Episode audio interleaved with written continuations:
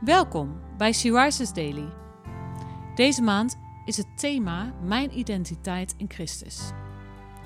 En vandaag luisteren we naar een overdenking van Carla Kwakkel.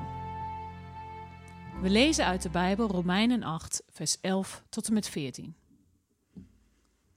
Als de geest van God in u woont, heeft dat ook gevolgen voor uw lichaam. God heeft Jezus uit de dood opgewekt. Wel, Doordat zijn geest in u woont, zal hij ook uw sterfelijke lichaam levend maken. Dus, broeders, zijn wij aan onze eigen zin niets meer verplicht. We hoeven er niet aan toe te geven. Als u zich door uw eigen zin laat leiden, zult u sterven. Maar als u zich laat leiden door de Heilige Geest en uw eigen zin prijsgeeft, zult u leven. Want allen die door de Geest van God geleid worden, zijn zonen van God. Wat is het geweldig om een kind van God te mogen zijn door het offer van Jezus Christus. Wij zijn vrijgemaakt. Er is geen veroordeling meer voor wie in Christus Jezus zijn. En bovendien heeft God ons ook zijn Heilige Geest gegeven als trooster, raadgever en leidsman.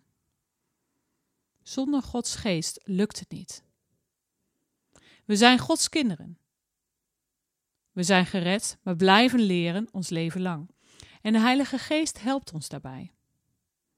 Hij woont in ons en als we Hem ruimte geven, dan laat Hij zien wat anders kan. Dat betekent wel dat we niet langer onze eigen zin doen. En oh, wat is het soms moeilijk. Heer, niet mijn wil, maar uw wil geschieden. Wij denken vaak dat we het zelf wel kunnen. Maar laten we eerlijk zijn, dat brengt ons niets. Alleen mensen die zich laten leiden door de geest van God zijn zonen van God. Hoe word je dan geleid door de geest, hoor ik wel eens. Het is niet zo moeilijk.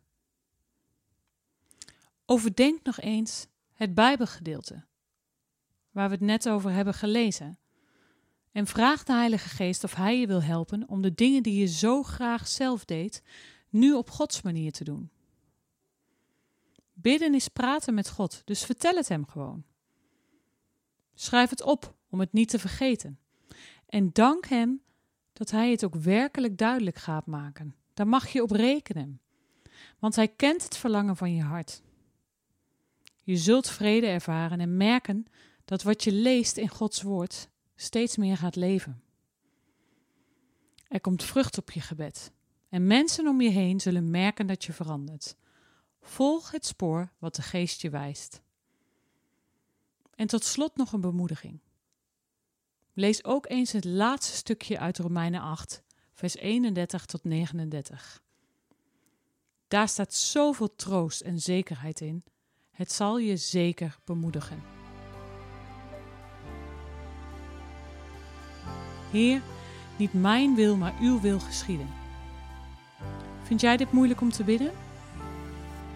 Waarin wil je het liefst je eigen wil doen?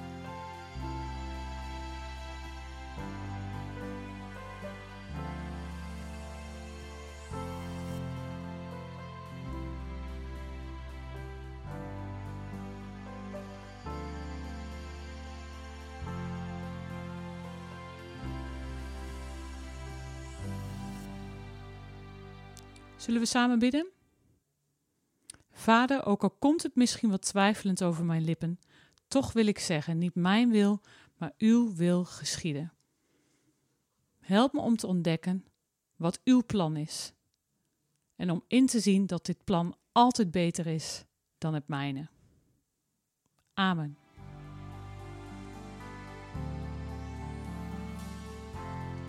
Je luisterde naar een podcast van Sea Rises. She Rises is een platform dat vrouwen wil bemoedigen en inspireren in hun relatie met God. Wij zijn ervan overtuigd dat het Gods verlangen is dat alle vrouwen over de hele wereld Hem leren kennen. Kijk op www.she-rises.nl voor meer informatie.